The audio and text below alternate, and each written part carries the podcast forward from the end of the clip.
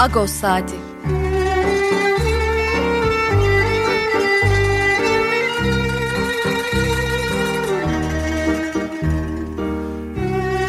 Haftalık Agos gazetesinin penceresinden Türkiye ve dünya gündemi. Agos'un mutfağından haberler, söyleşiler, olaylar.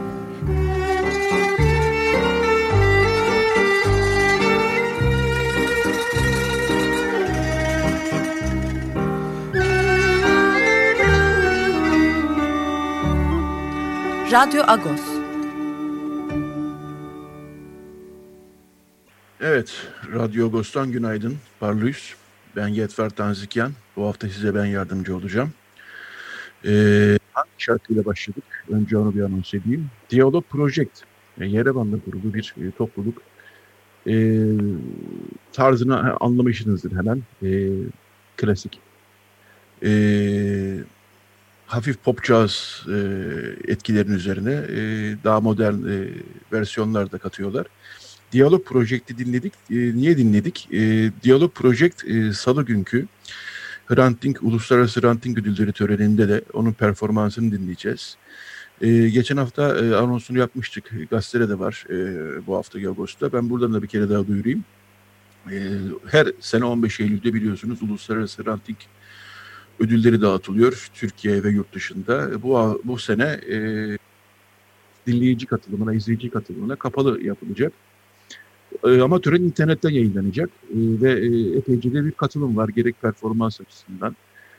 E, Diyalog Project e, Salı gecesi performansını izleyeceğimiz e, gruplardan bir tanesi. Dediğim gibi Yerevan'da kurul. Artur Tunç Boyacıyan'ın da destek verdiği, el verdiği gruplardan. Onun yanı sıra e, OFF grubu yine Ermenistan'da kurulmuş e, bir grup. Onlar sahne alacaklar. Can Bonomo sahne alacak. Kalben sahne alacak. Kutsi Ergüner e, Neyzen, Kutsi Ergüner sahne alacak. Dolayısıyla performans açısından e, zengin bir program var. 15 Eylül biliyorsunuz Hrant Dink'in doğum günü. E, Hrant Dink bu yıl 66 yaşında, 1954 yılında 15 Eylül'de doğmuştu. Ve e, Hrant Dink ödüllerinde e, bu yıl e, internetten canlı yayınlanan törende e, hepimiz göreceğiz kime verildiğini e, anlayacağız. E, dolayısıyla salı günü herkesi e, açıkçası e, ekran başına, internet başına, tablet başına bekliyoruz. Nerelerden izleneceğini hrantdink.org sitesine girip e, hemen görebilirsiniz. YouTube e, hesabı var, Instagram hesabı var. E, yani her e, imkanda, e, her e, araçta seyredebilirsiniz. Her mecradan neredeyse seyredebilirsiniz. Facebook'tan. Ee, evet, Diyalog Project'ten program içinde e, bir kere daha e, dinleyeceğiz, bir şarkı daha dinleyeceğiz. E, bu hafta ne var peki? Birazdan Pakrates Tukyan'da e, zaman zaman e, çok sık yaptığımız e, hem Agos'un gündemini hem Türkiye'nin gündemini hem Ermeni toplumunun gündemini konuşacağız. E, daha sonra e, 9.30'dan sonra Masis Kürtçügil ile e, 12 Eylül'ün yıl dönümü bugün biliyorsunuz 40. yıl. E, Masis Kürtçügil ile bir e, 12 Eylül üzerine ve 12 Eylül'ün de Ermeni toplumundan yansımalar üzerine bir sohbetimiz olacak.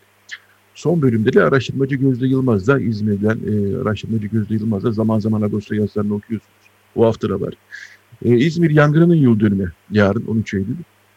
İzmir yangını e, çok büyük e, travmalar, yaralar açmış bir e, yangın e, ve bütün bu bütün bu yani İzmir'in kurtuluşundan sonraki bütün bu süreç işte Yunan'a denize döktük e, İzmir yangınını işte onlar çıkardı gibi anlatılıyor resmi tarihte ama çok daha farklı bir tablo var aslında orada ve İzmir yangınında e, hem e, hayatını kaybedenler, kaçanlar açıkçası İzmir'in e, Rumları, Ermenileriydi daha çok ağırlıklı olarak sivil halkıydı. Yangından sonra da yangın da aslında İzmir'in demografisini ve kent yapısını değiştirmek üzere kullanıldı. Bunları konuşacağız Gözde Yılmaz'la. Agos'un bu haftaki manşetinde e, Profesör Doktor Lordoğlu'yla, e, Nurayetiler Lordoğlu'yla bir röportajımız var. Çok önemli uyarılar var çünkü Lordoğlu'nun, Profesör Lordoğlu'nun. Koronavirüs biliyorsunuz tekrar e, böyle olacağı belliydi. Bütün uzmanlar uyarıyordu Eylül-Ekim aylarında tekrar yükselici geçecek diye. Çünkü çok erken bir normale dönüş yapıldı diye uyarıyorlardı. E, ve o, beklenen oldu ne yazık ki. E, buna dair e, pro, halk sağlığı uzmanı Profesör Lordoğlu'nun uyarıları, açıklamaları, önerileri, tavsiyeleri var. Ee, onun dışında e, uluslararası ranting ödüllerine dair haberimiz var. Önceki haftanın e, gündemi e, okullarda deprem e, çalışmalarıydı, çalışmalarıydı. Karagözcan e, okulu e, Çevre Bakanlığı'ndan tescilli bir firmaya e, test yaptırmıştı. Ee, onlarla konuştuk, Kalfayar'la konuştuk. Nasıl yaptığımız, kaç paraya mal oldu bunları konuştuk. Tabii okulların açılması e, hala bir soru işareti pandemi yüzünden. E, o da ayrı bir mesele. E, dolayısıyla e, Agos'un e, için e, bu haftaki Agos yine hem Ermeni toplumunun sorunlarıyla hem de Türkiye'nin sorunlarıyla dolu dolu diyebiliriz. E, şimdi ben program içinde gene zaman zaman Agos'un bu haftaki içeriğinden bahsedeceğim. Evet şimdi e, Pakrat Aşçıkyan telefon hattınızda olması lazım. Günaydın Pakrat abi parlıyorsun. Günaydın Parlış Network. Kolay gelsin. Sağ olasın. Teşekkürler. Nasılsın abi? iyi misin? İyi hamdolsun. Çok iyi. Evet. İyi. Fakret abiyle artık yavaş yavaş e, gazetede bulunmaya başladık. E, ama bu pandeminin yüzünden ne kadar sürecek bu birlikteliğimiz onu da merak ediyorum. Fakret abi ben gazeteyle değil bu hafta e, bugün daha doğrusu e, iki konuyla başlamak istiyorum. Gazeteyi konuşuruz nasıl olsa ama birincisi dün akşam açıklanan bir karar. E, açık havadaki konserler e, yasaklandı. E, gösteriler yasaklandı. Bu e, açıkçası sanat camiasında yani e, canlı performansla geçinebilen e, sanat camiası, tiyatrocularda, müzisyenlerde çok büyük bir tepki yarattı. Haklılar çünkü her türlü e, işte AKP milletvekili olursanız düğün müğün oluyor da veyahut da miting iş sanatçılara gelince ki e, hijyen kurallarına çok uyularak yapılan konserler bunlar. İşte araya mesafe bırakılarak falan filan. İş sanatçılara gelince, tiyatroculara gelince açık havada yapılacak üstelik. E, toplantıların yasaklanması e, hakikaten büyük tepki yarattı. Bir bu. E, bir de e, 12 Eylül'ün yıl dönümü. Masis Kürtçük ile uzun uzun konuşuyorduk konuyu ama e, bunlarla başlayalım abi. Sen zaten 65 yaş üstü olduğu için bütün bunun sıkıntısını bizden daha fazla çekiyorsun. Bilhassa bu sanatçıların e, başına gelenler konusunda neler söyleyeceksin? E, şimdi ben e, en içeriden olarak hemen kardeş türkülerin e, pozisyonunu biliyorum. Evet. Kardeş türküler e, büyük bir şevkle e, hazırlanıyordu e, açık hava konserlerine. Çünkü biliyorsun onun açık hava konserleri e, bambaşka bir atmosfer. Bu hem dinleyicisinde büyük coşku yaratan hem de e, grup üzerinde de çok pozitif etkisi olan bir etkinlikte açık hava konserleri her yıl yapılan. E, buna büyük bir şevkle hazırlanıyordu. Tabii ki burada ciddi bir hayal kırıklığı yaşanıyor. E, moralleri bir daha zorlayan bir şey ve e, senin de belirttiğin gibi bin bir çeşit etkinlik e, kolayca yapılabiliyor. Yani İktidar Partisi'nin düzenlediği siyasi toplantılardan tut da e, gene AKP'li milletvekilinin oğlunun 1500 davetliyle yaptığı düğüne kadar oğlu için yaptığı düğüne kadar her türlü etkinlik yapılıyorken sanat faaliyetlerine gelince bu kadar duyarlı olunması tırnak içinde bu duyarlı kelimesini e, algılamak lazım tabii. E, bir hayli can sıkıcı. E, çünkü gerçekten de o konuda da belli hassasiyetler vardı. Senin de belirttiğin gibi e, salonun e, oturum şekli, açık havanın oturum şekli falan buna göre zaten tasarlanmıştı. Kimse konserine gelen insanları da riske sokmak istemiyor. Ama bir şekilde eğer ticaret devam edecekse, üretim devam edecekse buna ısrarla vurgu yapıyorlar. Sanatın devam etmesine niye izin vermiyorsunuz sorusu tabii ki çok can alıcı bir soru. Ee, cevabı da makul cevabı da pek bulunmamış bir soru bu. Ee, o anlamda çok can sıkıcı bu gelişme. Yani açık hava konserlerinin iptali çok can sıkıcı bir gelişme. Evet, evet, evet. Yani e, zaten bir e, kontrolün kaybedildiği bir durum var e, açıkçası. E, yani bunu bilim kurulu üyeleri de söylediler artık sadece basın e, hani e, söylemiyor. Bilim kurulu üyesi Mehmet Ceyhan da bunu söyledi kontrol kaybedildi diyerekten. Zaten böyle bir durum varken e, ve sanatçılar, tiyatrocular aylardır e, hakikaten maddi sıkıntı içerisindeyken böyle bir karar gerçekten e, can sıkıcı oldu. E, ben bir iki yine bu haftanın gazetesine bahsedeceğim e, Fakret abi sonra tekrar sana döneceğim. E, dün e, ben bu haftanın gazetesinde duyurduğumuz iki e, konu var. Onları buradan e, anlatayım, e, anons edeyim. Birincisi 16 Eylül Çarşamba günü Hrant Dink cinayeti davası devam ediyor. Bu haftaki duruşmada e, o zamanki cinayet dönemindeki MİT İstanbul sorumlusunun dinlenmesi bekleniyor. Fakat 2004 yılında Hrant Dink'le e, valilikte yapılan görüşmeye katılan 3 MİT mensubunun e, dinlenmesini mahkeme gerek görmedi. İlk başta gerek görmüştü sonra bu kararını geri aldı hatırlıyorsunuz. Dolayısıyla e, 16 Eylül e, çarşamba günü Hrant Dink cinayeti davası devam edecek. Dün bir duruşma vardı. E, biraz ilginçti. Biliyorsunuz Mayıs ayında Hrant Dink Vakfı'na, Rakel Dink'e ve Dink Vakfı avukatına e, tehdit mektupları gelmişti. İki ayrı kişiden e, e-postalarla. Bu kişiler yakalanmışlardı. E, haklarında iddianame düzenlenmişti ve e, duruşma ilk duruşma dündü 11 Eylül. 56. Asliye Mahkemesi'nde e, gittik duruşmaya. E, avukatlar biz oradaydık basın mensupları. E, sanıklar da ses sevgisle e, bağlandılar. Yani bulundukları cezaevinden e, görüntülü sistemde bağlandılar. Fakat e, avukatların olmadığı ortaya çıktı. E, mahkeme de bu biraz şaşırdı. E, avukatınız yok mu sizin dedi. E, yok dediler. E, savcılık ifadesi aşamasında baronun atadığı bir avukat vardı. Onlar belki de devam edeceğini düşünmüşlerdi. E, mahkeme bu sefer hemen e, barodan avukat isteyelim dedi e, hızla. E, barodan avukat talep edildi Cem yarınca. E, fakat bu işte biraz tuhaf olacaktı. Çünkü yani barodan gelecek avukat ne biliyor ne bilmiyor falan e, konu biraz tartışıldı mahkeme salonunda. E, nihayetinde e, duruşmayı avukatların da dosya hazırlanması amacıyla duruşmayı yani barodan avukat istendi. Duruşma 21 Eylül e, yani e, bu pazartesi sonraki pazartesi e, tarihinde ertelendi. E, dolayısıyla Arantik Vakfı'na yönelik e-posta uyguladığı tehdit davasında son durum bu. E, fakat abi e, biz... E, çok ilginç bir durum. Çünkü mahkemenin belki de alelacele hemen bir e, avukat bulalım gelsin bir şey de söylesin.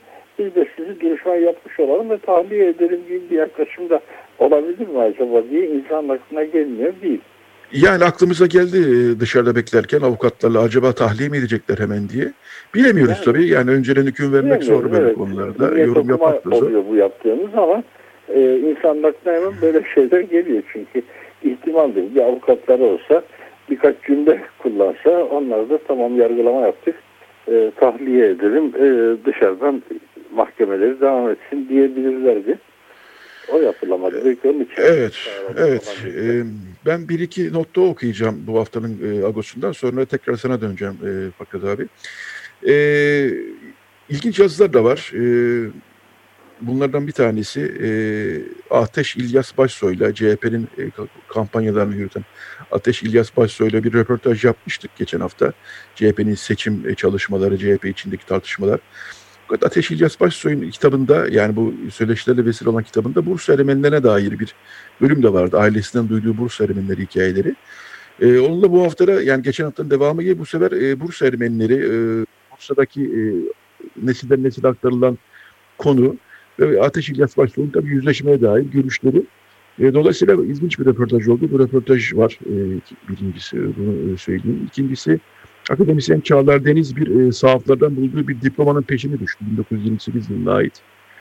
E, Amerikan e, Antep Amerikan Kız Okulu'ndan e, mezun olmuş bir kişi Osman Zanazanyan tehcir zamanı e, kaybediyor diplomasını 1928 yılında Halep Ermeni Okulu'ndan e, bir belge alıyor ve bu belgede Halep e, Büyükelçiliği tarafından Türkiye'nin tasdik ediliyor.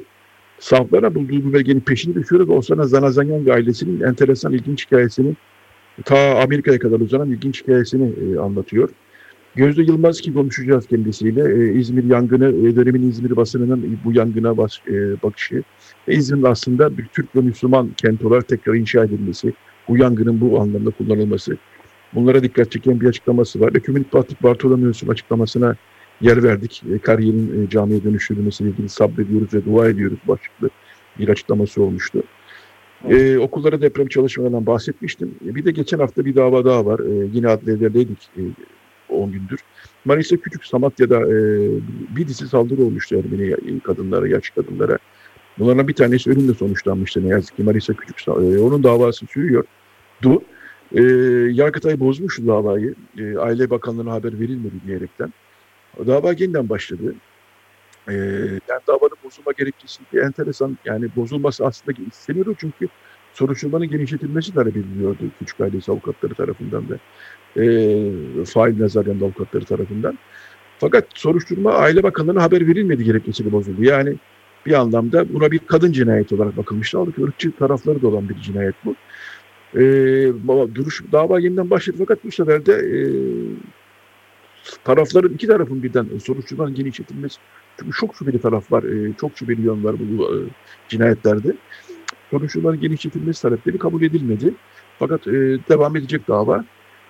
E, evet Fakret abi, e, sizin sayfalarda, Ermenice sayfalarda daha doğrusu sizin diyorum hepsini Ee, Ermenice sayfalarda biliyorsun Ermenice sayfaların ilk sayfası, birinci sayfası genellikle e, günceldir. O haftanın e, haberleri çoğunlukla da Türkçe sayfalardan çevirdi haberlerdir bunlar. Özgün habere pek rastlamayız birinci sayfalar. Ama diğer sayfalar e, bütünüyle özgün yazılardır. E, o birinci sayfada tabii en önemli e, bizim üzerinde durduğumuz haber Esen Okulu'na iki müdür birden atandı. Biri ilkokul e, e, bölümüne, ilk öğretim bölümüne, öbürü e, lise bölümüne. iki yeni müdür atandı. E, bunlarla ilgili bir haberimiz var. E, onun dışında diğer sayfalar e, dediğim gibi özgün haberler. Erme, e, Türkçe sayfalarda olmayan haberler. Bunlar arasında da e, dikkatimizi çeken bu hafta e, sayfamıza konuk olan, e, gazetemize konuk olan e, Henry Ganasyan. Henry Ganasyan önemli bir besteci Los Angeles'ta yaşıyor. Ermenistan doğumlu ama Los Angeles'ta yaşıyor. E, aynı zamanda da o bir yazar e, ve bu hafta da Silva Gabudikyan'a ithaf edilen bir yazıyla sayfalarımıza konuk oldu ama e, Silva Gabudikyan'ı eksenine alan yazımın ayrıntılarında işte e, dildeki e, yabancılaşma, Ermenice'nin bugünkü konuştuğumuz e, özellikle de Ermenistan'da yaygın olarak konuşulan bu Ermenicesindeki yozlaşmaya dikkat çekiliyor. Ermenice'ye karışan yabancı sözcükler ve yabancı sözcük kullanma hevesinin vurgulandığı bir e, yazı olmuş. Eleştirel bir yazı yani bu anlamıyla. E, onun dışında gene Liz Hancı Boğuşyan e, bir süreden beri sayfalarımızda daimi e, bir yazar olarak artık e, yerini aldı.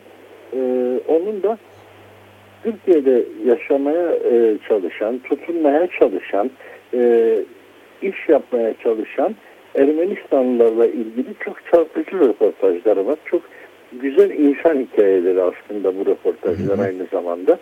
E, hepsi birden toparlandığında çok hoş bir kitap da olabileceğini düşünüyorum bu yazıların bütününün. E, onun gene Ermenistan'da bir pedagogla yaptığı söyleşi var. Her hafta farklı insanlarla e, söyleşiler yaparak e, mevzularını toparlıyor. E, bu pedagog da özellikle diaspora öğretmenlerinin meslek içi eğitim için Ermenistan'da katıldıkları kursların koordinasyonunu yapan bir insan. Ee, onunla Türkiye'li Ermeni öğretmenlerin donanımları, hazırlıkları, bu kurslara gösterdikleri ilgiye dair bir sorgulamaya girişmiş. Anlıyoruz ki Türkiye'li Ermenilerin katılımı oldukça düşük düzeyde. Ee, Evet. Başka bir vurgusu daha var. Diyor ki e, Ermenistan son bağımsızlıktan sonra bir hayli göç verirken epeyce de öğretmen de göç etti. Bu giden öğretmenler gittikleri yerlerde e, gene mesleklerini yapıyorlar ama Türkiye'de bu şansa sahip değiller. E, o anlamda da pedagoji eğitimi almış öğretmen sorunu var Türkiye'li okullarda, Türkiye Ermeni okullarında diyor. E, çoğunlukla başka branşlarda uzmanlaşmışken öğretmenliğe dönen insanlar. Oysa biz Ermenistan'da mutlaka öğretmenlerin hepsi pedagojik formasyon sahibi olan insanlardır. E, pedagoji okulundan mezun olurlar. Böyle çarpıcı ayrıntılar e, içeren e, hoş bir yazı. Onun dışında zaten geleneksel olarak Jovinar Lokma Gözyan'ın köşesi var. Jovinar Lokma Gözyan kendi köşesinde e, bir kez daha korona vesilesiyle e, oluşabilecek yan etkileri e, hani ne derler kontraindikasyon dedikleri marazları anlatıyor ve bunların daha vahim sonuçları olabileceğine dair bir e, yorum yapmış. Gene Fakret abi sen kendi sayfalarında- yazından da bahseder misin biraz? Hiç bahsetmiyorsun sen. Ee, senin Ermenice e, köşe yazılarında her hafta hem e, Türkiye hem Ermenistan hem de Ermeni dünyasının gündemine e, değiniyor. Sen de bu hafta sanıyorum e, tarih kitaplarıyla müfredatla Ermenistan'daki değil mi? E, yanlış mı biliyorum? Evet benim değindiğim konu da o oldu. Çünkü o çünkü ilginç bir konu çünkü o yüzden söylüyorum. Ermenistan'da çok hararetli bir tartışma sürüyor. Ee, hükümet yeni eğitim müfredatından Ermeni Kilisesi tarihi adlı dersi çıkardı. Buna Hı. gerek yoktur. Bunun e, okullarda e, ilk orta öğrenim okullarında öğretilmesine gerek yoktur diyerek bu başlıktaki dersi iptal etti. Müfredattan çıkardı. Ama bu kararına karşı çok yoğun bir e, tepkiyle karşılaştı. Çünkü e, geniş bir çevre e, Ermeni Kilisesi tarihinin aynı zamanda Ermeni kimliğini belirleyen bir unsura dair bir anlatı olduğunu savunarak e, bunun yeni neslin kimliksizleşmesine yol açacağını e, daha da ileri giderek hatta bunun bir Soros operasyonu falan olduğu gibi Türkiye'den de çok e, yakından hmm. tanıdığını savlar ileri sürdüler. E, toplumu dejenere etmek istiyorlar. Toplumun kimliğini bozmak istiyorlar. Kimliksizleştirmek istiyorlar falan diye milliyetçi bir söylemler. Bu hafta benim köşe yazım da bunun karşısındayım. Anladım. Çünkü bu başlıktaki bir dersin mutlaka e, Sudan bir propaganda dersi olmaktan öteye gidemeyeceğini e, Ermeni Kilisesi tarihi diyerek bir ululama anlatılacağını oysa işin aslının böyle olmadığını Ermenilerin Hristiyanlığı çok da güle oynaya kabul eden bir ulus olmadıklarını e, bunun tepeden inme e, bir e, iktidar baskısıyla topluma dayatıldığını falan anlatan bir yazı yazmıştım. Evet. Muhtemelen o yazıda e, bir, bazı çevrelerde tepkiyle karşılanabilir. Evet. Bunu da bekliyoruz. Senin yazında evet e, tartış, tartışılan bir konu hani çünkü. Dedim ki e, bu e, din değişikliğinin en önemli etkeni e, kilisenin anlatımına göre e, Krikordu Savoriç denen Kayserili bir Hristiyan misyonerin, keşişin e, sözde bir e, mucize gerçekleştirerek padişahı din değiştirmeye ikna etmesi, onun da bütün toplumunu buna yönlendirmesi. Ama e, demek ki bu keşiş Hristiyan keşiş olmayıp Budist olsaydı biz hepimiz Budist mi olacaktık? Ya da Brahmanist mi olacaktık? Veya Kızılbaş inancına mı geçecektik? Gibi bir soru sordum. Zannediyorum ki bu soru biraz rahatsızlık yaratabilir. Evet, e, benzer bir hikaye biliyorsunuz. Biraz Bizans'ın Hristiyan oluşunda da söz konusudur bir rüya görmesi imparatorun. E, daha sonra e, işte bu e, simgeyle kazanacaksın demesi ve Bizans ordusunun o haç simgesiyle savaş kazanması gibi. Evet, e, toplumlar geriye dönük böyle hikayeler kurarlar her zaman. Peki Fakret abi şimdi e, bir şarkı aramız var. Ondan sonra Masis e, abiyle bağlanacağız. Masis Kürkçük ile konuşacağız. E, 12 Eylül dinleyeceğim tabii o bölümü. 12 Eylül konuşacağız. E, çok teş çok teşekkürler Akbarik. E, Rica ederim. Haftaya, haftaya görüşmek üzere seninle diyorum. Haftaya Ondan sonra görüşürüz. Evet. Kolaylıklar diliyorum. Eyvallah sağ olasın. Teşekkürler. Ee, şimdi bir diyalog proje şarkısı daha dinleyeceğiz. Ondan sonra bir reklam arası vereceğiz. E, ondan sonra 12 Eylül e, sohbetine gireceğiz. E, ama şimdi dinleyeceğimiz şarkı e, Return yani Verat Arts e, Diyalog Project'ten sonra bir reklam sonra yeni türkü dinleyeceğiz. Biraz 1980 sonrasına uzanacağız. Evet, e, Diyalog Project'i dinliyoruz. Radyo Agos.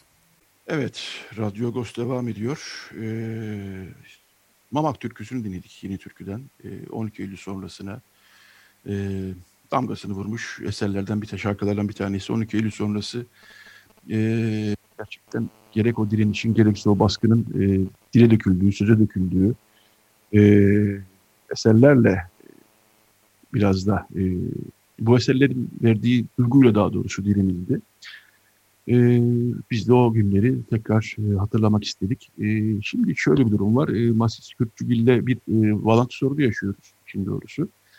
E, dolayısıyla ben size biraz e, 12 Eylül'den bahsedeceğim.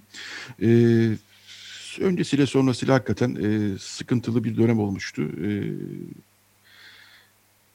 şöyle e, tarif edeyim ben size. E, binlerce insan gözaltına alındı. E, binlerce insan e, işkenceden geçirildi. Binlerce insan e, fişlendi, milyonlarca insan fişlendi. E, ve e, hakikaten e, insani anlamda çok ağır bir e, travma yaşandı. E, çok ağır insan hakları ihlalleri oldu. E, bunların aslında e, yaş yakın okurlarımızın, dinleyicilerimizin çoğu biliyor. E, şimdi e, Masis Kürtçü ile ulaşmaya çalışırken e, o günleri de Fakret abi de yaşamış. Tekrar Fakret abi döndük. Fakret abi sana döndük tekrar. Alo. Evet abi. E, ya Masis Kürtçügil'de e, açıkçası bir e, bağlantı sorunu yaşıyoruz. Hatlarda bir sıkıntı var. Tam bağlanamadık. E, ona bağlanmaya çalışırken e, sen de o günleri yaşamış birisisin. Dolayısıyla e, sana de konuşalım. E, seninle vedalaşmıştık ama tekrar sana geri döndüm. Anladım Ee, anladım. Evet. Ee, e, tabii ki o günleri bütün yoğunluğuyla, bütün ağırlığıyla yaşadı benim kuşağımda. Ee, 1980'de e, ağır bir gündü. Ee, onun öncesinde aynı kuşak bir de e, 71-12 Mart'ını yaşamıştık. Ee, oradan zaten birçok deneyim sahibiydik ama 12 Eylül e, bizden daha çok deneyim biriktirmiş bir darbeydi ve tipik bir CIA darbesiydi. Sonrasında biz bunu çünkü e, uygulama yöntemlerinin birbirine benzerliklerine e, bakarak e, bu yorumu yaptık, bu değerlendirmeyi yaptık. E, Şili'de yaşananlarla e, 11 Eylül dün itibarıyla 73 tarihinde de e, Şili'de Pinochet, e, Pinochet'in Allende'ye karşı yaptığı darbe var. Biliyorsun seçilmiş Marksist ilk devlet adamıydı. İlk devlet başkanıydı Salvador Allende. E, ve onun varlığına e, tahammül edemedi. E, büyük bir siyah operasyonuyla 11 Eylül'de Allende'yi deviren askeri bir darbe yaptı. O darbede uygulanan yöntemlerle 12 Mart veya 12 Eylül darbelerinde uygulanan yöntemler arasında o kadar ilginç e, benzerlikler vardı ki ben bunlar arasında en çok da toplumda yıngınlığa sebep olanları e, gözlemliyorum. E, bizim çok genç olduğumuz yıllarda özellikle 12 Mart e, delikanlı olduğumuz zamanlarda 1971 18 e, yaşında falandım. O dönemde gençler arasında saç uzatma merakı vardı. Ve bu askerler e, yolda çeviriyorlardı gençleri. Zorla kafalarını tıraş ediyorlardı. Saçlarını tıraş ediyorlardı askeri aracın içinde.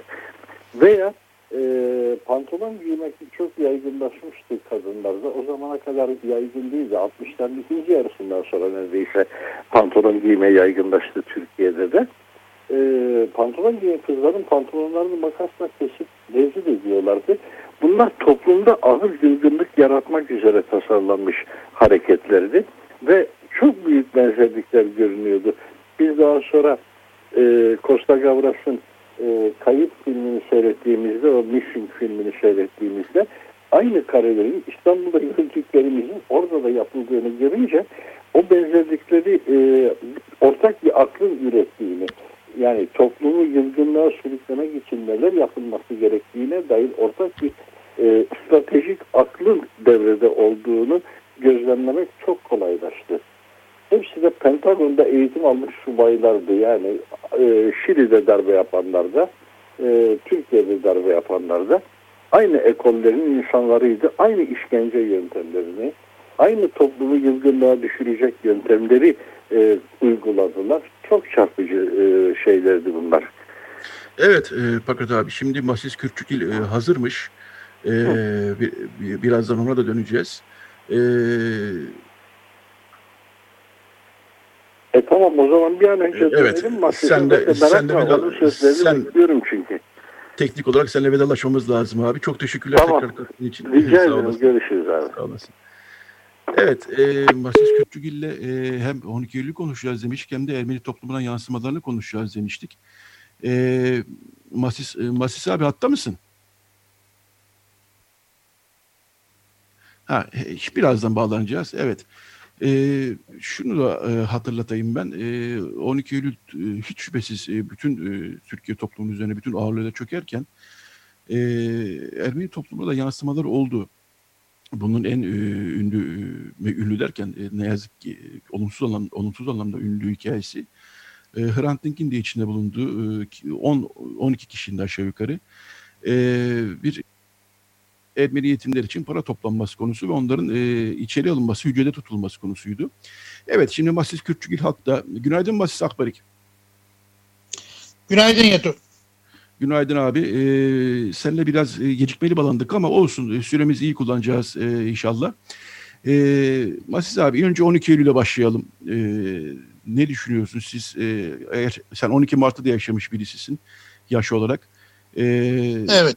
12 Eylül'ü nasıl tarif edersin bize? Öyle başlayalım.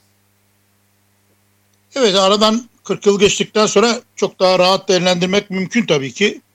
E, 12 Eylül'ü e, bugünkü tabirle yerli ve milli bir bağlamda değil, muhakkak ki o günkü dünya koşullar içinde güçler dengesiyle, ilişkisiyle açıklamakta bir taraftan da yarar var.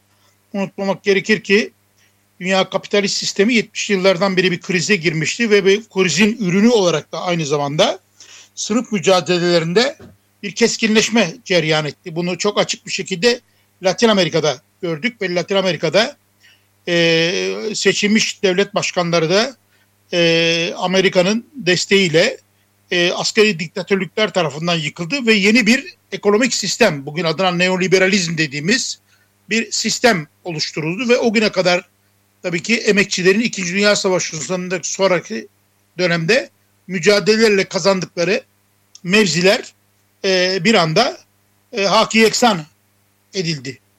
E, dolayısıyla dışarıda böyle bir şey gözüküyordu. 73'te Şili diktatörlüğü, 76'da Arjantin diktatörlüğü. Yani e, bize benzer ülkelerde bu tür bir gelişme vardı. Ama tabii ki bunun bir takım yerel ve bölgesel e, faktörleri de söz konusu. Bölgesel faktör aslında tabii İran Şahı'nın devrilmesi, yani Amerika'nın bölgedeki en büyük destekçisinin e, devrilmesi ve e, Sovyetlerin Afganistan işgaliydi. Bu da tabii e, dünya dengesi açısından Amerika'ya bir alarm zili çaldırdı. Bu e, bir hamle etmesi gerekiyordu bölgede. Ama bunun yanı sıra hiç küçümsememesi gereken mutlaka tabii ki öncelikle hesaba dahil edilmesi gereken daha geniş yer vereceğimiz için daha sonra bıraktığımız aslında yerel faktörler var. Yerel faktör yani bizim yaşadığımız siyasal, sınıfsal mücadeleler. Bu da aslında tabii yani e, büyük miktarda e, 70'li yani 12 Mart darbesinden sonra e, biraz tabii ki e, moralle çıkmış olan bir e, sol hareket var, işçi hareketi var. Ecevit'in şahsında tırnak içinde sosyal kazanımlar e, dile getirilebiliyor. 77'ye kadar bir gelişme dinamiği söz konusu. Ancak ondan sonra da rakamlara baktığımız takdirde rakamlara baktığımız takdirde bir düşüş eğrisi başlıyor. Kurumsal siyaset açısından baktığımız takdirde sürekli koalisyonlar var ve bir türlü e, tırnak içinde yönetenlerin yönetememe hali var. Yani millet meclisi, hükümet e, ya milliyetçi cephe e, kendi içindeki koalisyondan dolayı feşleşmiş vaziyette ve bir toplumda bir hegemonyası yok. E, onun için de bir yaptırım gücü olamıyor. Veyahut da Ecevit de kıl payıyla veyahut da işte milletvekili transferleriyle bir şeyler yapabiliyor. Ama e, böyle bir e, kurumsal siyasette büyük bir boşluk varken bir taraftan da sokak, e, mahalleler, fabrikalar vesaire aktif olarak siyasete dahil oluyor. Hı. Bu önceki dönemlerde yaşadığımızdan çok farklı bir manzara arz ediyordu. Buna tırnak içinde tabii kimileri başka şeyler demiş olabilir ama bu bir anlamda siyasetin tabii başka kanallardan daha tabii ki e, reel doğrudan kanallardan yürümesi anlamına geliyordu. Ancak burada da burada da bir toplumu dönüştürecek bir alternatif bir güç birikimi söz konusu olmadı. Böyle olunca 1978'den itibaren bir keşmekeş içine girildi. Ee, bir keşmekeş içine girildi. Bir çözümsüzlük hali ortaya çıktı ve krize yani toplumsal, siyasal yani bütünlüklü bir kriz söz konusuydu. Ee, belki de bugüne kadar yaşadıklarımızdan hatta bugün yaşadığımızdan da çok daha derin ve çok boyutlu bir kriz söz konusuydu.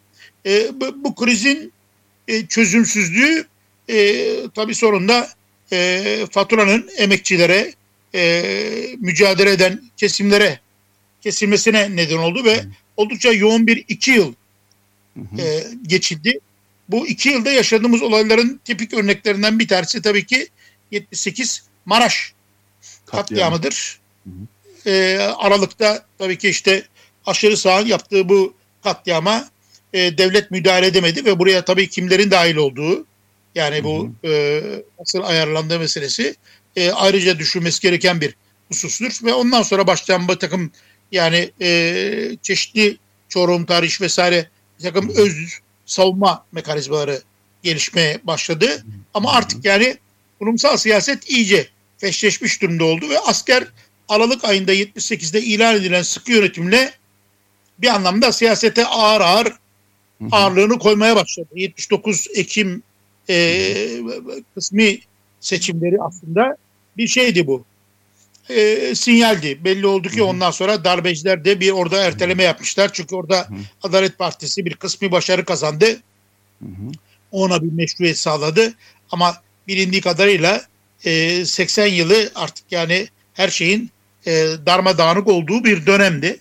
Ve ondan sonra 12 Eylül geldiği zaman e, artık karşısında direnecek ne kurumsal çerçevede e, yani mevcut müesses nizam içinde siyaset yapan siyasi partiler e, arasında herhangi birinin söyleyecek bir şey yapacak bir şey yoktu.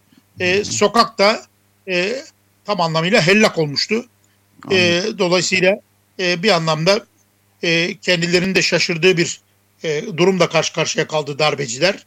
Yani herhangi bir direniş olmadı ve akabinde akabinde bildiğimiz gibi aslında e, insanların işkencelerde öldürüldüğü, çocukların e, idama mahkum edildiği, ulu orta insanların tutuklandığı ve e, resmen aslında bir kuşağın e, dibine dinamit konduğu bir dönem yaşandı. Ama bu dönem geçici bir dönem olmadı. Problem burada.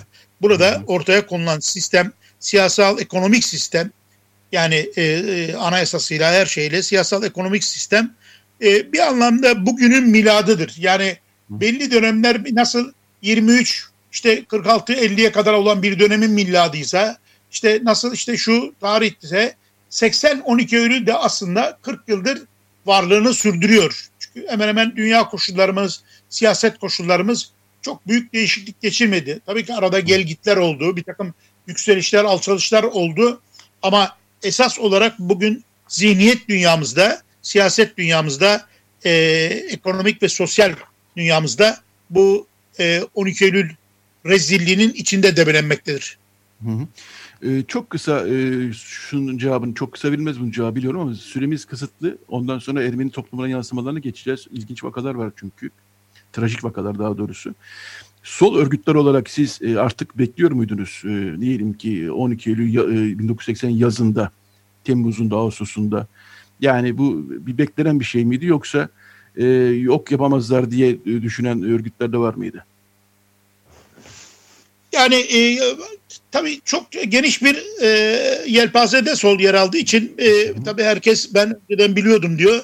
Hemen sormak lazım. Önceden biliyordun da ne yaptın diye eylemine bakmak gerekir. Gerçekten ona uygun bir eylem yaptım diye. Büyük miktarda böyle bir beklenti söz konusu değildi. Çünkü aslında askeri bir darbenin müdahalesinden ziyade sokakta sol büyük miktarda faşistlerle mücadeleye kendini hasretmiş durumdaydı. E, dolayısıyla bir e, 78'den başlayan böyle bir e, kriz ortamında bir e, miyopluk ister istemez. Yeterli güç birikiminin içinde sadece e, tabiri caizse siyasal, örgütsel güçler söz konusu değildir. Tabii ki bir e, perspektif miyopluğu da söz konusudu. Güçsüzlüğün temel nedenlerden biri de buydu. Dolayısıyla tabii araba devletten sonra akıl veren çok olur. Ayrı hikaye. Evet. Ama e, o gün için büyük miktarda böyle bir şey beklenmiyordu. Eğer beklenseydi ona göre bir şekilde bir tedbir alınmaya yönelinirdi. Ama gözüktüğü kadarıyla e, askeri diktatörlük e, önüne koyduğu takvime uygun olaraktan bütün örgütleri e, tezgahtan geçirdi. Yani demek ki aslında e, böyle bir e, öngörü, böyle bir tedbir genel olarak söz konusu değildi. Değildi. Peki e, Ermeni toplumuna yansımaları oldu demiştik. E, duyuru da öyle yaptık zaten e, sosyal medyada. Onu da biraz konuşalım. İki vaka var evet. çok e, trajik, e, önemli daha doğrusu. Biri Hayk Nişan'ın e, ki geçenimiz yıllarda evet. kaybetmiştik. Onun bir şey hatırlatayım mı? Evet. Bir müsaade misin? Tabii. E, aslında müstahaktı Ermeniler ve Rumlar. Çünkü darbeyi onlar hazırladılar. Yani bütün bu feşleşmeyi onlar yaptılar diyor. Kim? 12 Eylül Başbakanı Bülent Ulusu. Bu çünkü e, e, FETÖ darbesinden sonra bir işte bir darbeler komisyonu, araştırma komisyonu kuruldu Millet Hı. Meclisi'nde. Başbakan Bülent Ulus gitti ve orada dedi ki Kıbrıs çıkartması vesileyle Türkiye'yi bir terör ortamına sürüklediler diyor. Kimler? İşte bundan dolayı Rumlar ve Ermeniler diyor. Hı. Rumlar ve Ermeniler diyor. Şimdi bu zihniyet. Şimdi bu zihniyetten hareket edersek dönemin başbakanı diyor ki bunun arkasında bu hareketten dolayı inanıyor mu inanmıyor mu bilmiyorum ama Millet Meclisi'nde Millet Meclisi'nde komisyonda bunu söylüyor. Böyle bir rezilliği düşünebiliyor musun? Bu işte Hı-hı. ideolojik bir dünya. Yani e, aslında ne olursa olsun ne olursa olsun kim ne olursa olsun bunun arkasında mutlaka gene yani toplumda binderli biriyle varlığı olmayan e, ezik büzük konumda olan bir takım kesimler. Çünkü bunları çok rahatlıkla e, eleştirdiğiniz zaman e, kendi milletinizin çok arı olduğunu e, iddia edebilirsiniz. Müslüman ve Türklüğün aslında e, ne kadar günahtan azade olduğunu anlatabilirsiniz. Bu dolayısıyla Bülent Ulusu'nun bu sözünü mutlaka burada zikretmekte yarar var. Evet. Evet. Ee, Şimdi iki vaka var. Biri Hayk, biri de e, Hrant Dink evet. ve onun kişinin e, işkence görmesi. Kısaca onlara da girersek Ahbarik. E, şey var bir de e, neydi e, Yergatyan var. E, Yergatyan diye bir rahip vardı galiba. Evet, evet. O da Kudüs'te öğrenci doğru. Ondan sonra falan yani o önce müydü sonra mıydı? Sonra Yervant Güzelyan daha önce alınmıştı. Ama hı hı. şöyle bir durum vardı. Şimdi zihniyet bu olunca yani zihniyet bu olunca e, bir asala peşindeydi. Hı hı. Şey askeri diktatörlük e, yani bütün bunların arkasında e, bir asala Ermenilerde burada da asala vardır diye. E, dolayısıyla Haykmışan e, bilmeyenlere söyleyelim Tıbrabank'ın müdürü e, İstanbul Fen Fakültesinden mezun. Ondan sonra Diyarbakırlı e, merhum e, ve onu çağırıyorlar. Selimiye'den çağırınca tabii Skönetüm komutanlığından o da bir okul müdürü olaraktan e, Krant'a giyiniyor. Gidiyor tabii. Kış günü ondan sonra çocuğun bir takım rahatsızlıkları da vardı. Dibine atıyorlar.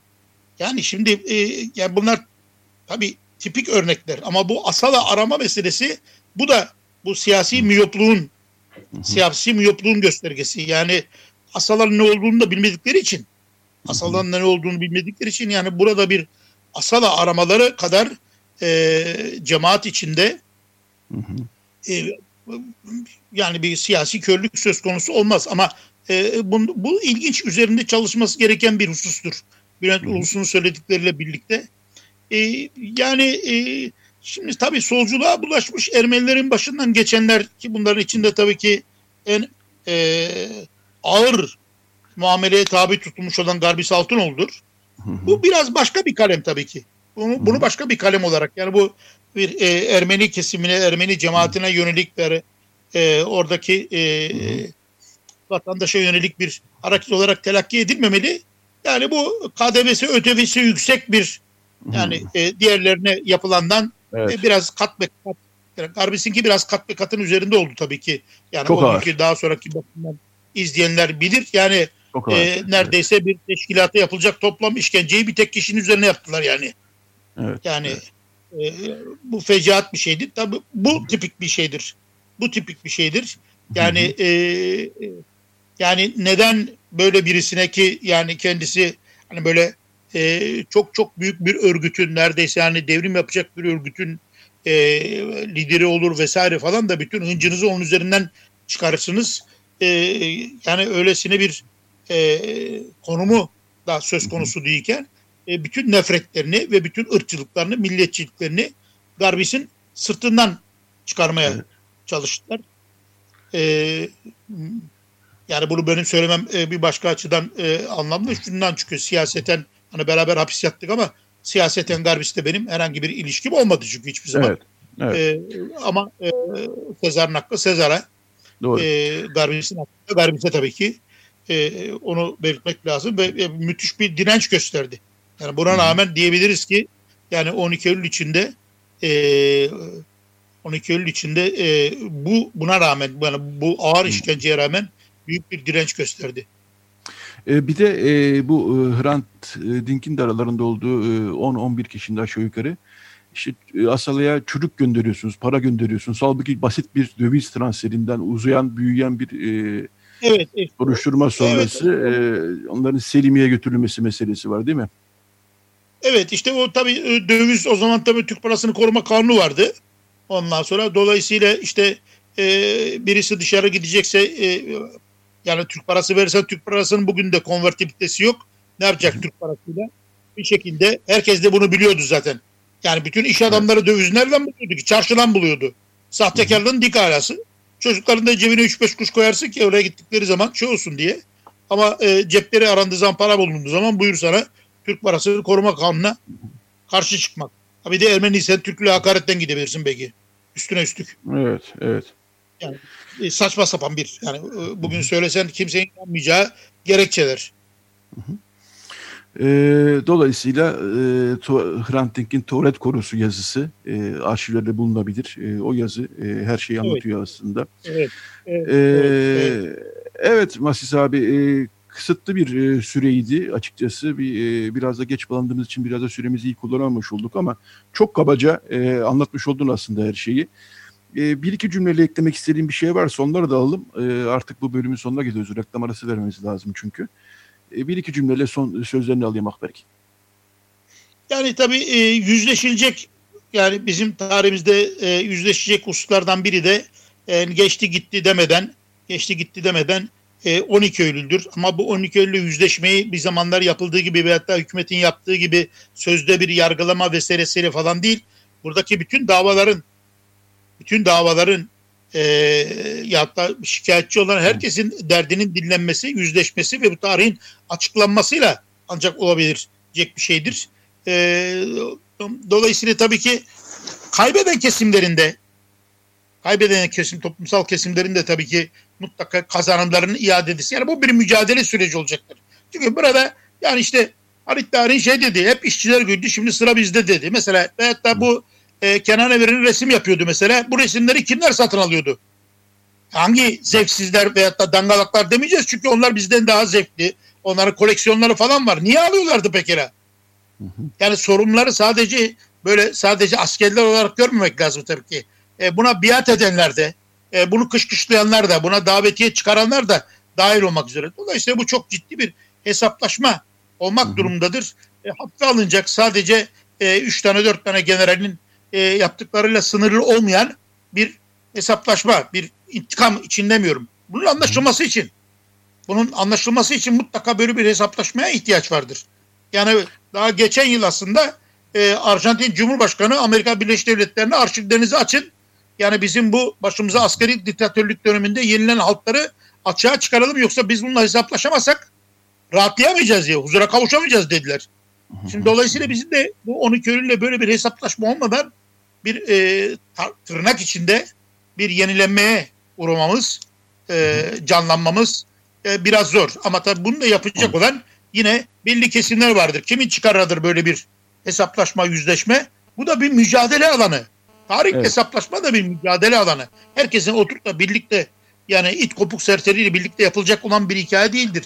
Bunlar anlamlı olan yani gerçekten insan haklarından yana olan, dayanışmadan, özgürlükten yana olan insanlarla yapabilirsiniz bunu hesaplaşmayı. Anladım. Yoksa aynı zihniyete sahip olan mahluklarla değil. Anladım. Peki.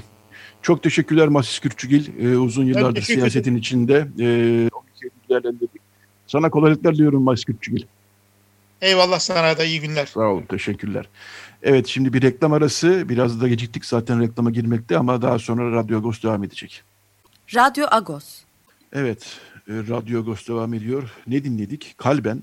Kalben'den son bir gece dinledik. E, Kalben dinlememizin esprisi de e, yayının başında bahsetmişim 15 Eylül Salı akşamı saat 8'de Uluslararası Ranting Ödülleri e, dağıtılacak. İnternetten bu yıl izleyebileceğiz töreni. E, Kalben'de 15 Eylül gecesi sahne alacak performans daha doğrusu sergileyecek sanatçılardan bir tanesi. Onun bir e, şarkısını dinledik. Evet şimdi e, bu e, bölümde hattımızda araştırmacı Gözde Yılmaz var. Kendisi İzmir tarihi üzerine araştırmalarıyla sık sık Agos'a yazılarıyla katkıda bulunuyor. Günaydın Gözde Hanım. Merhabalar, günaydın. Merhaba. Günaydın. Şimdi 13 Eylül yani yani yıl dönümleriyle yaşayan bir toplumuz bir yandan aslında. 13 Eylül'de İzmir, İzmir yangınının yıl dönümü. İzmir yangını hakikaten İzmir'in çok büyük bir bölümünü yerle bir etti, mahvetti. Ee, ama 9 Eylül ile 13 Eylül arasında olan bir tam bir e, cehennem İzmir e, sivil halkı açısından e, diyebiliriz herhalde. Ve, evet. E, şimdi İzmir yangını kim çıkardı kim çıkarmadı tartışmaları başka bir konu ama İzmir yangınının aslında e, kenti e, demografisini değiştirmek ve Türkleştirmek, Müslümanlaştırmak diyelim. Çünkü sizin bu hafta çıkan daha biraz böyle. E, ve oradaki e, azınlık izlerini e, yani daha doğrusu Rum ve Ermeni e, Yahudi izlerini silmek için bir imkan olarak kullanıldığında biliyoruz. Siz neler söylersiniz İzmir yangını e, bu anlamda nasıl bir demografi değişikliğine yol açtı sizin e, çalışmalarınız, araştırmalarınız? Sözü ben size. Ee, evet. Şöyle şimdi aslında sayılar çeşitleniyor. Ee, örneğin yurt dışı basınında ya da sözlü tanıklıklarda, hükümet raporlarında 300 bine yakın kişinin yerinden edildiğini okuyoruz yaklaşık olarak. Bunların büyük çoğunluğu Rum ve Ermeni. Levanten toplulukları da var e, bu sayının içerisinde. E, ve bunlardan yani yine yaklaşık değer 200 bini e, kaçabiliyor e, müttefik gemileriyle birlikte. E, fakat diğerleri yani yaklaşık bir, bir rakam 100 bine yakını da e, kaçamıyor. E, dolayısıyla bunların çoğunun akıbetinin ölüm, yine intihar vakaları olduğunu e, düşünüyoruz. Yine okuyoruz daha doğrusu. E, mesela Washington Times'ta bir haber çıkıyor 20 Eylül'de. E, zaten bir gün sürmüyor yangın. Bir hafta boyunca devam ediyor yaklaşık. 20 e, Eylül'de hala Amiral Bristol'ın bir raporunu okuyoruz. 5, 50 bin civarında rıhtımda kurtarılmayı bekleyen insan olduğundan bahsediliyor. Bunlara yardım ulaştırılmasını da Türk hükümetinin reddettiğini yine okuyoruz burada. Hı hı. Sanırım dediğim gibi intihar vakaları genellikle bu aşamada oluyor. Şimdi bizim yaptığımız bir araştırma var. E, bu da e, bir kısmı birikimde var, yarısı yayınlandı. E, hafıza mekanları üzerinden yaptığımız araştırmalardı. Hı hı. Tabii biz burada e, mekanları bulmaya çalıştık. Hangi mekanlar yok oldu? E, ve karşılaştırmalar yaptık kent planları üzerinden. E, mesela Sturari Kent Planı 1856, Lemeksat 1876 planı, GOT planı 1905. Bunlarla e, İzmir 1926 kadastro haftalarını karşılaştırdık. Hı. Aslında yangında yok olan birçok yeri bu şekilde saptayabildik. Hı hı. E, bu aslında verilen sayılardan daha net bir e, tablo çizmemizi sağlıyor. Evet. E, sistemli bir demografik değişim olduğunu e, bu şekilde saptadık. E, örneğin merkezde sadece merkeze ele alacak olursak tabii ki merkezde olmuyor sadece e, çevre yerlerde de yangınlar çıkıyor. Merkezde mesela Fasula, e, Frank Sokağı, Aya Nikolos ve Demetrius, Aya Katerina, Mortakya, Haynos gibi mahalle, meydan sokaklar yok oluyor. Basmane semti kimlik değiştiriyor. Rıhtımda bulunan Levanten ticarethaneleri, ferhaneler, Rum Ermeni mülkleri hepsi yok oluyor. Yani çoğu yok oluyor daha doğrusu. Ee, ve tabii bu süreden sonra şey, e, Türklük kimlik, kimlik inşasına göre yeniden e, yapılanma, birinci ulusal mimari akımına e, takiben e, yeniden yapılanmalar meydana geliyor. İsim değişiklikleri oluyor. Hı hı. Örneğin e, Skul Evangelik Namık Kemal Lisesi oluyor. Süreç içerisinde İzmir İyon Üniversitesi İzmir Kız Lisesi'ne dönüşüyor. Ermeni İlkokulu Cumhuriyet Eğitim Müzesi oluyor. Hı hı. E, Agop Ispartalyan Köşkü Atatürk Müzesi oluyor. Mimar Kemalettin Caddesi diye bir cadde doğuyor. Önceden öyle bir şey yok. Hı hı. E, dediğim gibi Basmane semti gibi bölgelerde çok farklı yapılar oluşuyor ve bunlar tabii ki şey e, dediğim gibi Türklük Sünnilik e, inşası doğrultusunda ve temel motto Gavur İzmir değil artık Türk İzmir. E, ve tabii bu basına da çok farklı yansıyor. E, biz genellikle yani yangınla ilgili haberleri uluslararası basından takip edebiliyoruz bu süreçte. E, ulusal basında örneğin e, yerel basından örnekler vereceğim. 9 e, Eylül'de 1922'de Akşam Gazetesi'nde Elhamdülillah İzmir'e kavuştuk başlığı e, çıkıyor. 10 Eylül'de Tevhid-i Efkar'da yine 1922'de Cenab-ı Hakk'a hamd ve şükürler olsun. Muradına ermiş olan Bahtiyar İzmir'in Halasker İslam ordusuna teşekkürler bir başlık çıkıyor. Daha sonraki e, anmalarda yani tırnak içinde kutlamalarda da yine benzer söylem. Yangınla ilgili bir şey e, görmüyoruz neredeyse. Hı hı. Ee, mesela evet. evet. Şunu yani, e, söyleyebilir miyiz? E, yani hafta içinde de bir belediyenin e, paylaşımı e, tepki çekti. Yani bu artık biraz daha altı çizilmesi gereken bir konu olduğunu düşünüyorum. Yani 9 e, Eylül 13 Eylül arası veya da sonrasında denize dökülenler e, Yunan askeri değildi aslında. İzmir'in yerli halkıydı. Tabii büyük tabii oranda, Osmanlı vatandaşı büyük, çoğu. Büyük oranda bu ülkenin vatandaşlarıydılar. Ve e, birincisi bunun e, altını çizmek gerekir diye düşündüm. İkincisi e, 2017 yılında Hrant Dink Vakfı'nın İzmir ve Çevresi Konferansı gerçekleştirilmişti İzmir'de.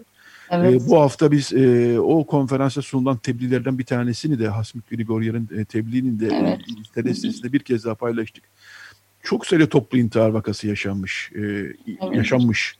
Bu e, sizin de az evvel bahsettiğiniz gibi yabancı basına yansıyan konular bunlar. Yabancı basının e, evet. e, dikkatle takip ettiği konular. Bunların çoğunu e, Türkçe basında e, okuyamadığımız konular. Fakat e, çok sayıda kişinin e, yani çaresizlik, e, umutsuzluk, e, oradan çıkamama e, sonucunda toplu intihar vakalarında yaşandığını biliyoruz. Dolayısıyla bu anlamda e, biraz e, bu denize dökme meselesinde biraz daha dikkatli bir dil kullanmak gerektiğini bilmiyorum. Ne dersiniz? Tabii tabii. Tabii kesinlikle yani bir süre sonra nefret söylemine dönüşüyor ve dediğim gibi yani bu insanlar e, ata toprağı burası olan insanlar çoğu. E, yani e, örneğin mesela Behçet Tuz'un bir ifadesi var Anadolu Gazetesi'ne verdiğim 1934'te. Kültür Park inşa ediliyor e, çok büyük bir alana. Burada sadece Behçet Tuz'un ifadesiyle 14.500 evin enkazı üzerine kurulan bir şeyden bahsediyoruz. E, bunların çoğu mesela Rum mahalleleri, Ermeni yerleşim yerleri. E, burada insanlar yaşıyordu. Bu insanların ataları sayfaları burada yaşıyordu, hikayeleri buradaydı. E, dolayısıyla e, yani bahsedilen tabii ki intihar vakaları olacak, tabii ki mutsuzluk olacak. Tabii ki bunun günümüze yansıması da e, eğer bu bilinçte olunmazsa yani insan hakları açısından sıkıntılı süreçler olduğu kabul edilmezse yine benzer bir dil kullanacaktır ve bu e, yaşanmış acıların hala e, devam eden e, sonuçta şekilde konu bahsi geçmeyen şeylerin acıları hala yaşanmaya devam edecektir. Yani ee, evet, evet. Ee, ben bir de şunu e, yanlış bilmiyorsam e, şu an İzmir Fuarı daha sonra İzmir Fuarı olarak kullanılan bölgede yani Kültür Park evet. İzmir Fuarı olarak kullanılıp İzmir Fuarı'nın olduğu bölge de sanıyorum eski bir Ermeni mahallesi olması lazım. Değil tabii mi? tabii Ermeni mahallesinin büyük çoğunluğu orada Hı. ve şey Rum mahalleleri de mevcut orada. Hı. Çokça yapılar var. Hı -hı. Ee, bunlar yok oluyor. Yok oluyor. Evet, Kimse evet. de hatırlamıyor şu an açıkçası orada. Evet, olanları. evet. Ee, yani İzmir konusunda yeni bir hafıza inşasına e, sanıyorum gerek var. E, öyle gözüküyor. Hı hı. E, çünkü yani e, hiç beklemeyeceğiniz e, kesimlerden bu konuda çok e, olayın derinlemesine e, boyutlarının farkında olmayan e, yazılar, paylaşımlar okuyoruz. Ee, evet, bir konuda... Ve, tabii sizin eklemek istediğiniz bir konu var sanıyorum. Onu evet, da... evet. Yani şöyle bunların hafıza mekanlarına dönüştürmesi gerektiğini ben düşünüyorum açıkçası. Ee, yani sonuçta bu mekanlar saptanabiliyor. Dediğim gibi bu planlar ve haftalar karşılaştırılarak e, çoğu mekan ortaya çıkabiliyor. E, bu mekanlar hafıza mekanlarına dönüştürülebilir. E, yani bir şey yapılması gerekiyorsa buradan başlanılabilir. E, fakat dediğim gibi günümüzde de e, genellikle bu yangın değil e, tırnak içinde 9 Eylül kutlamalarında tırnak içinde e, hiç yangından bahsedilmeden yine bu e, kahramanlık anlatısına devam ediyor. Yani bu şekilde e, ilerleyecek bir süreç olduğunu inanmıyorum ben bunun. Hafıza mekanlarıyla bu şekilde insan hakları konusunda bilinçlendirmeyle e, bu gerçekler açığa çıkabilir. Hı hı hı. Ee, evet, e, İzmir basını e, 1922 sonrasında da aslında yani İzmir e, tekrar inşa edilirken e, sanki hiç İzmir'in böyle bir hayatı yokmuş. Yani 1922 öncesinde, 1920 öncesinde, 1915 öncesinde, 1910 öncesinde sanki hiç İzmir'in böyle bir kozmopolit yapısı yokmuş gibi bir e, sanki mantık ve anlayış da bana göre sizin e, geniş bir basın taraması yaptığınızı biliyorum. Evet, Oradan evet. yansıyan örnekler nasıl? Ee, Tabii. Ya da genel mantık nasıl? Birkaç örnek aldım aslında. Şöyle zaten o zamanın e, kamuya yansıyan e, yani hem gazete yazıları olsun hem işte çeşitli açıklamalar olsun, edebi eserler olsun kozmopolitliği eleştiren bir zaten tavır var. E, şöyle diyemeyiz yani İzmir tamamen kozmopolit yapıda olan bir şehirdi. Kozmopolit olma potansiyeline sahip olan bir şehirdi İzmir. Yani İzmir'in içinde çeşitli dini gruplar arasında çatışmalar görüyoruz ya da sınıflar arası çatışmalar. E, yani bugünkü anlamda kozmopolit bir e, yapıdadır diyemeyiz ama kozmopolit olma potansiyeline sahipti. Mesela gazeteler üzerinden örnek vermem gerekirse demin iki tane örnek verdim ama mesela 1923 yılında yine yerel basından örnek vereceğim. E, yine e, 9 Eylül'e gelecek şekilde resimli gazetede şöyle bir ifade var mesela. Geçen sene bugünlerde İzmir'le beraber Türklüğü kurtaran kahraman süvarilerimize e, sevgi ve selamlar. Ya da işte 1926'da yine 9 Eylül Anadolu Gazetesi'nde şöyle bir açıklama var. Süvari Mehmetçik Manisa'da eteklerin ve e, Manisa etekleri sırtlarından çüklemiş bir aslan gibi İzmir'e girerek ölümden e, kurtulan Yunan ordusunu Akdeniz'e dökmüş e, Türk vatanına ve Türk milletinin hakiki halas ve hürriyeti e, bahşetmiştir. Yani burada e, olan şeyler Türk milletini kurtaran şeyler olarak e, yansıyor. Evet, Yine yangın yok. Yani yangınla alakalı şeyler yok. Yine mesela 1935 Yeni Asır'da 9 Eylül'de e, bu zaferle Ege ebediyen Türk kalacaktır. Yine başlığıyla çıkıyor. E, bundan sonraki şeyler e, yine haberler hı hı. günümüze doğru İslami kimlik birazcık daha baskılanarak yine kahramanlık anlatılarıyla e, süslenerek devam ediyor. Evet e, yani tabii e, İzmir'in sonuçta bir işgalden kurtulması hasebiyle bu tip yorumlar olmasını belki bir anlamda e, dönemin koşullarıyla olabilir filan denebilir ama e, sonuçta e, verdiğimiz rakamlar yani 300 bin kişinin e, 200 bin kişinin evet. gitmesi, 100 bin kişinin akıbetini bilmemesi çok büyük bir insanlık trajedisinin de yaşandığı bir dönemden bahsediyoruz, günlerden bahsediyoruz. Bunlar hiç olmamış gibi e, davranılması ve e, İzmir yangını e, vesile edilerek artık kentin e, eski tarihsel dokusunun e, tamamen yok edilmesi ve bambaşka bir şehre bürünmesi gerçekten üzerine düşünmemiz gereken e, konular. Ama e, bir taraftan da şu var ki biz bunları düşünürken hala e, sağ, e, İslamcı sağ veyahut da milliyetçi sağ hala e, İzmir'i gavur İzmir olarak adlandırarak bir şeylerin hala intikamını alma e, derdinde. Bu sefer de İzmir'in şimdiki dünyaya baktığımız zaman da seküler yapısını hı hı. hedef alan bir e, durum var. Dolayısıyla İzmir hı hı. hakikaten e, nasıl diyeyim e, çok konuşacağımız bir İzmir'imiz arasında evet. E, evet. öyle sanıyorum. Evet, evet. E, sizin e, yavaş yavaş artık sonlarına geldik. Yarın 13 Eylül İzmir yıl dönümü. E, yıl dönümü. E, tabii ki e, çok sıkıntılı koşullarda orada yaşamını kaybedenler oldu. Onları evet. danmış olalım. Sizin eklemek istediğiniz bir şey var mı? Son olarak e, yavaş yavaş sonlara geldik çünkü. Eklemek istediğim bir şey yok. Sadece dediğim gibi bu yapılanma sürecinde bahsedebileceğim başka bir şey olarak 1925 e, yılında iki önemli buluyorum. Fransa'da İzmir Yeniden İnşa Etme Cemiyeti kuruluyor ve onların hazırladığı planlarla aslında işte e, yeni yeni yapılanmalar meydana geliyor. Ama genel olarak bahsedeceğimiz şey tabii Türklük şimdilik inşasına göre bir şehrin yeniden kurgulanması, evet. bir bellek çukurunun oluşması. Ben buna bellek evet. çukuru diyorum. Bellek çukuru diyorsunuz. Bir bellek çukuru var gerçekten orada. Sizin söylediğiniz konuyu da ben önemsiyorum gerçekten. Yani bir İstanbul'da buna benzer e, çalışmalar yapılıyor. Hafıza mekanı çalışmalar. Yani burası eskiden böyleydi. Hrant Dink Vakfı'nın da hatta kardeş diye bir uygulaması var biliyorsunuz. Orada İstanbul'u gezerken... İzmir'de yapılmalı. Evet aynısının ben İzmir'de yapılması gerektiğini buradan Bilmiyorum e, İzmir'de e, sivil toplum kuruluşları, örgütler bilmiyorum buna dikkat alırlar ama yani bu gezdiğiniz yer eskiden şu mahalleydi, bu gezdiğiniz yer evet. şu okul var. Hafıza yürüyüşleri. Böyle hafıza yürüyüşleri yapılması gerekir. e, çünkü İzmir bunu gerçekten e, hak ediyor çektiği sıkıntılarla e, diye düşünüyorum. Evet. E, çok teşekkür ediyorum Gözde Yılmaz, araştırmacı Gözde Yılmaz konuğumuzdu. İzmir'den bize bağlandı. Zoom vesilesiyle bağlandık ona da. Ee, ufak tefek teknik aksaklıklar olduysa affola. Ee, Gözde Hanım çok teşekkürler tekrar katıldığınız Ben teşekkür ederim. Kolaylıklar diliyorum. Sağ olun. Size de. Evet, e, Radyo Gos'un sonuna geldik. E, Reci'de e, Berhem Baltaş vardı, bize yardımcı oldu. Kısa bir duyuruyla tekrar ben programı bitirmek istiyorum. E, 16 Eylül'de Hrant Dink cinayeti davası. Pandemi koşullarında tabii e, basın açıklaması olmayacak ama e, duruşmalar halka e, katılıma açık her zaman için biliyorsunuz.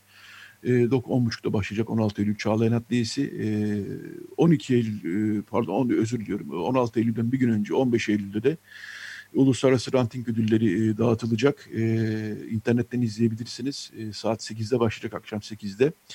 Ve kapatırken de yine e, Uluslararası Ranting Ödülleri'nde sahne alacak başka bir sanatçıyla, cın şarkısıyla kapatalım. Can Bonomo'dan e, dinliyoruz. Bulunmam gerek. Haftaya Radyo Agos'ta buluşmak üzere.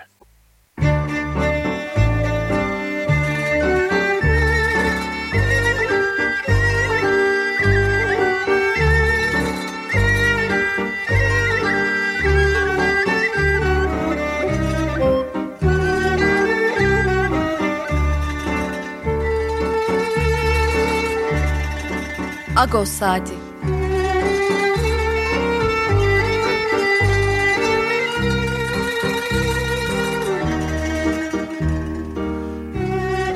Haftalık Agos gazetesinin penceresinden Türkiye ve dünya gündemi.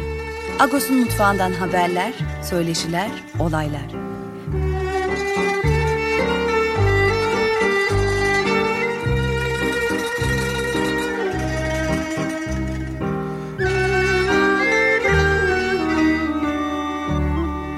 Radyo Agos